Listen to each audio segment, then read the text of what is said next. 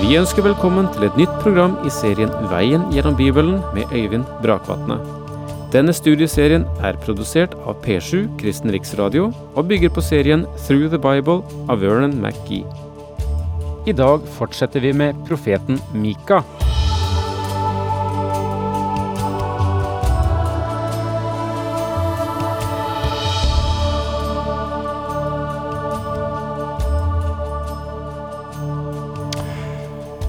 Vi befinner oss i det siste kapitlet i Mika-boken, og det er åpnet med en eh, klagehymne fra profetens side.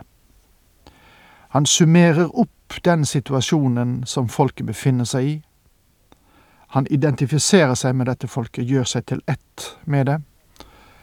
Eh, han eh, stiller seg ikke på siden og forteller om hva dere gjør, men han tar dette folks synd, deres brøde, inn over seg, og eh, det smerter ham.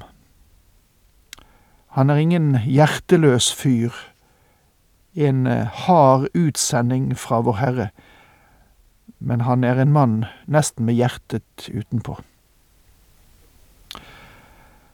Og han er en profet for de store byer. Det vil si det er bykulturen som han vurderer. Og det som smerter ham når han starter sin hymne, åpner opp for det som bor i ham så det veller frem, det er at retten fordreies. De store har ikke bare en makt, men måten de bruker den på, ryster ham. Det går an å kjøpe seg sin rettferdighet.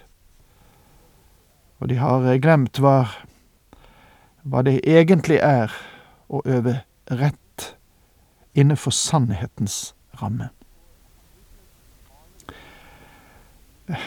Og han bruker et malerisk uttrykk i vers fire her i kapittel syv, som vi var igjennom sist, og der det sto 'Den beste av dem er som et klungerkjerr'.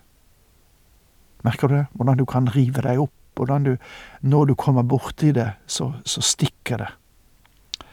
Den ærligste er verre enn en tornehekk. Hvilket fenomenalt, men også hvilket rystende bilde på hvordan lederne i dette folket er. Og så, sier han, det kommer en dag for dine vektere, når du kreves til regnskap, da blir de grepet av forvirring. Og hvor langt dette går eh, med denne denne indre uthulingen av folket, det fortsetter han med å si i neste vers, som vi nå skal gå inn i i dag, altså Mika kapittel 7 vers 5. Tro ikke på din frende, sett ikke lit til din venn, vokt munnen for henne du tar i favn. Dette sier litt om den forferdelige situasjonen som eksisterte på den tid, og det samme har vært sant om stort sett enhver sivilisasjon i denne verden. Det er en stor og ond verden vi lever i, og det må vi være våkne for, spesielt om vi vil ta vår stilling på Guds side. Den Herre Jesus sa, Tro ikke at jeg er kommet for å bringe fred på jorden, jeg er ikke kommet for å bringe fred, men sverd som han sier i Matteus 10, vers 34.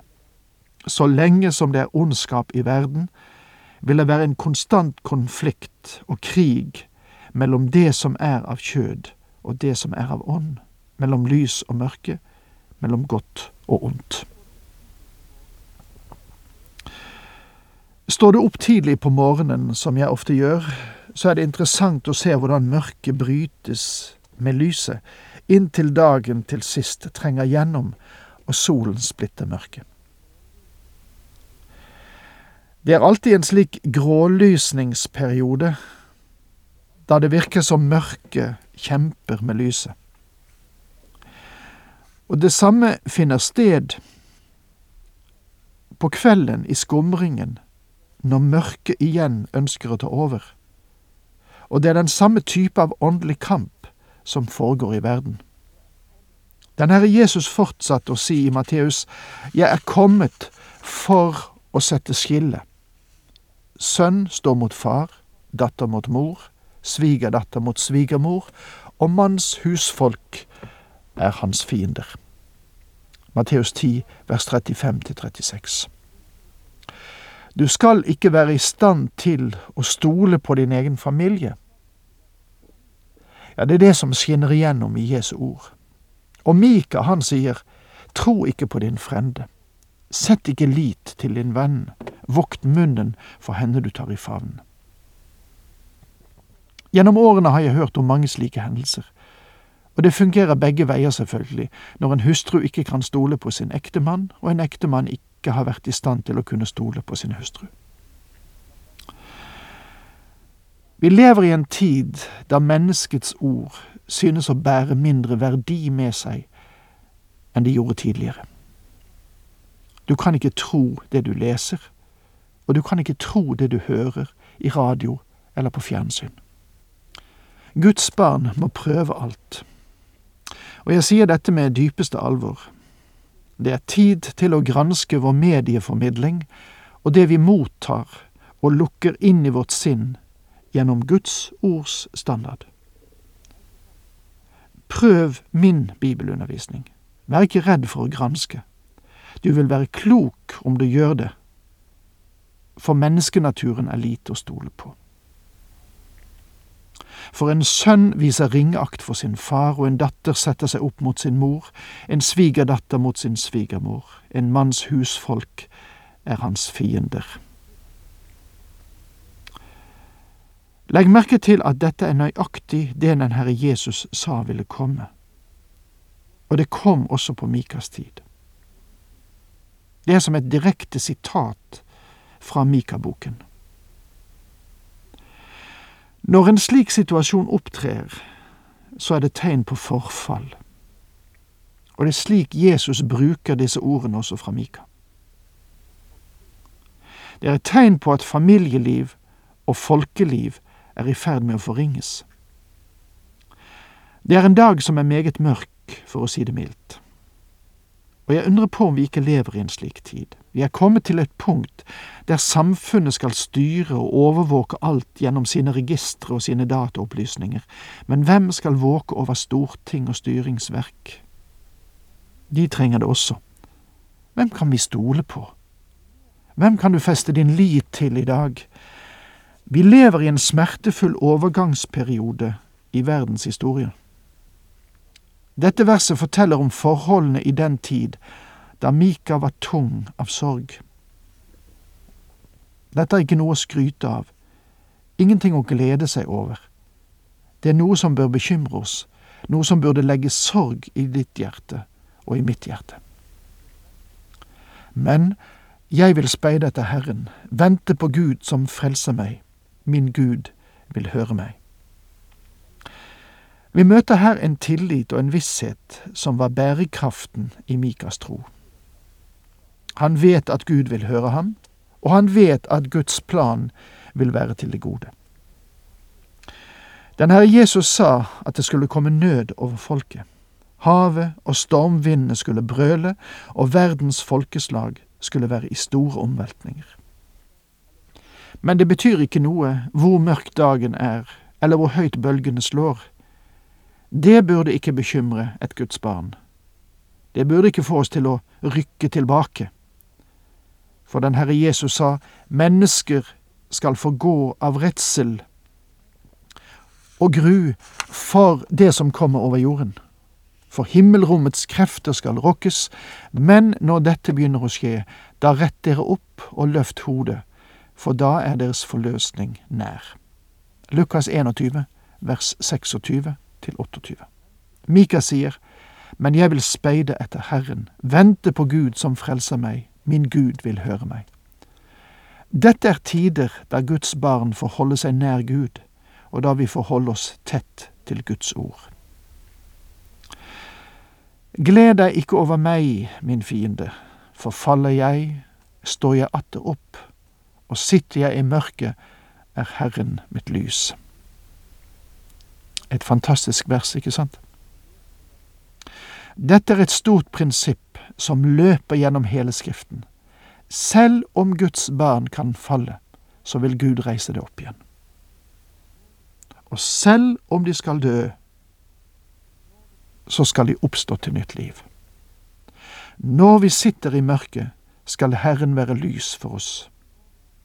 For jeg gjenta at Guds folk må holde seg nær til Guds ord i mørket og i vanskelige dager. Legg nå merke til at i vers 9 kommer Mika med en bekjennelse til Gud på vegne av sitt folk. Det er en klar og helhjertet bot her, og på tross av mørket er det på hans lepper en lovprisning til Gud. Han har nettopp sagt til sine fiender, Gled dere ikke over meg, Gud skal reise meg opp, og da skal jeg kunne juble. Selv om jeg sitter i mørket, skal Herren være lys for meg. Mika har den tillit til Gud at han vil fri ham ut, og han vil også fri og løfte sitt folk. Herrens vrede må jeg bære fordi jeg har syndet mot ham, til han igjen vil føre min sak og sørge for at jeg får rett. Han skal føre meg ut i lyset, og jeg skal se hans rettferd. Mika kommer her med en offentlig bekjennelse av folkets synd. Hvilken tillit denne mannen har. Han overlater seg til å underordne seg Guds vilje.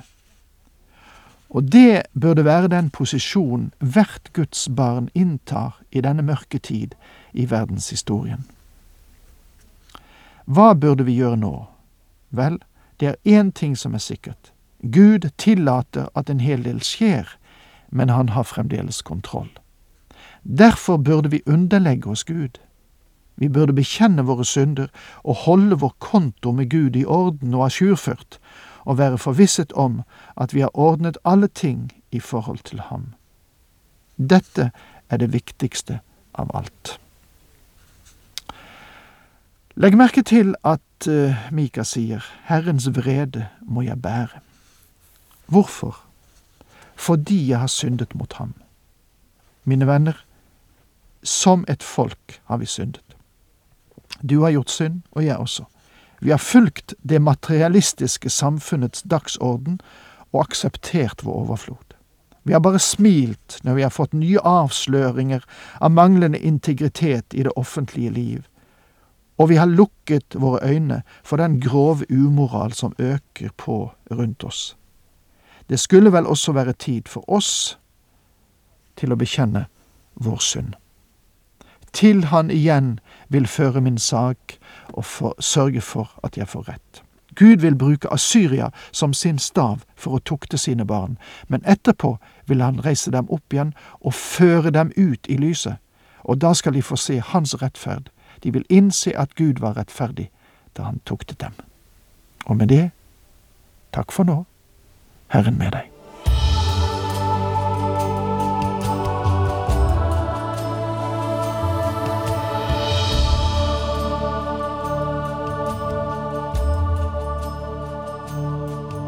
Du hørte Øyvind Brakvatne i studieserien Veien gjennom Bibelen. Serien bygger på et manus av Vern McGee. Har du spørsmål eller kommentarer til programmet, kan du sende en e-post til vgb krøllalfa p7.no. Takk for i dag, og på gjenhør.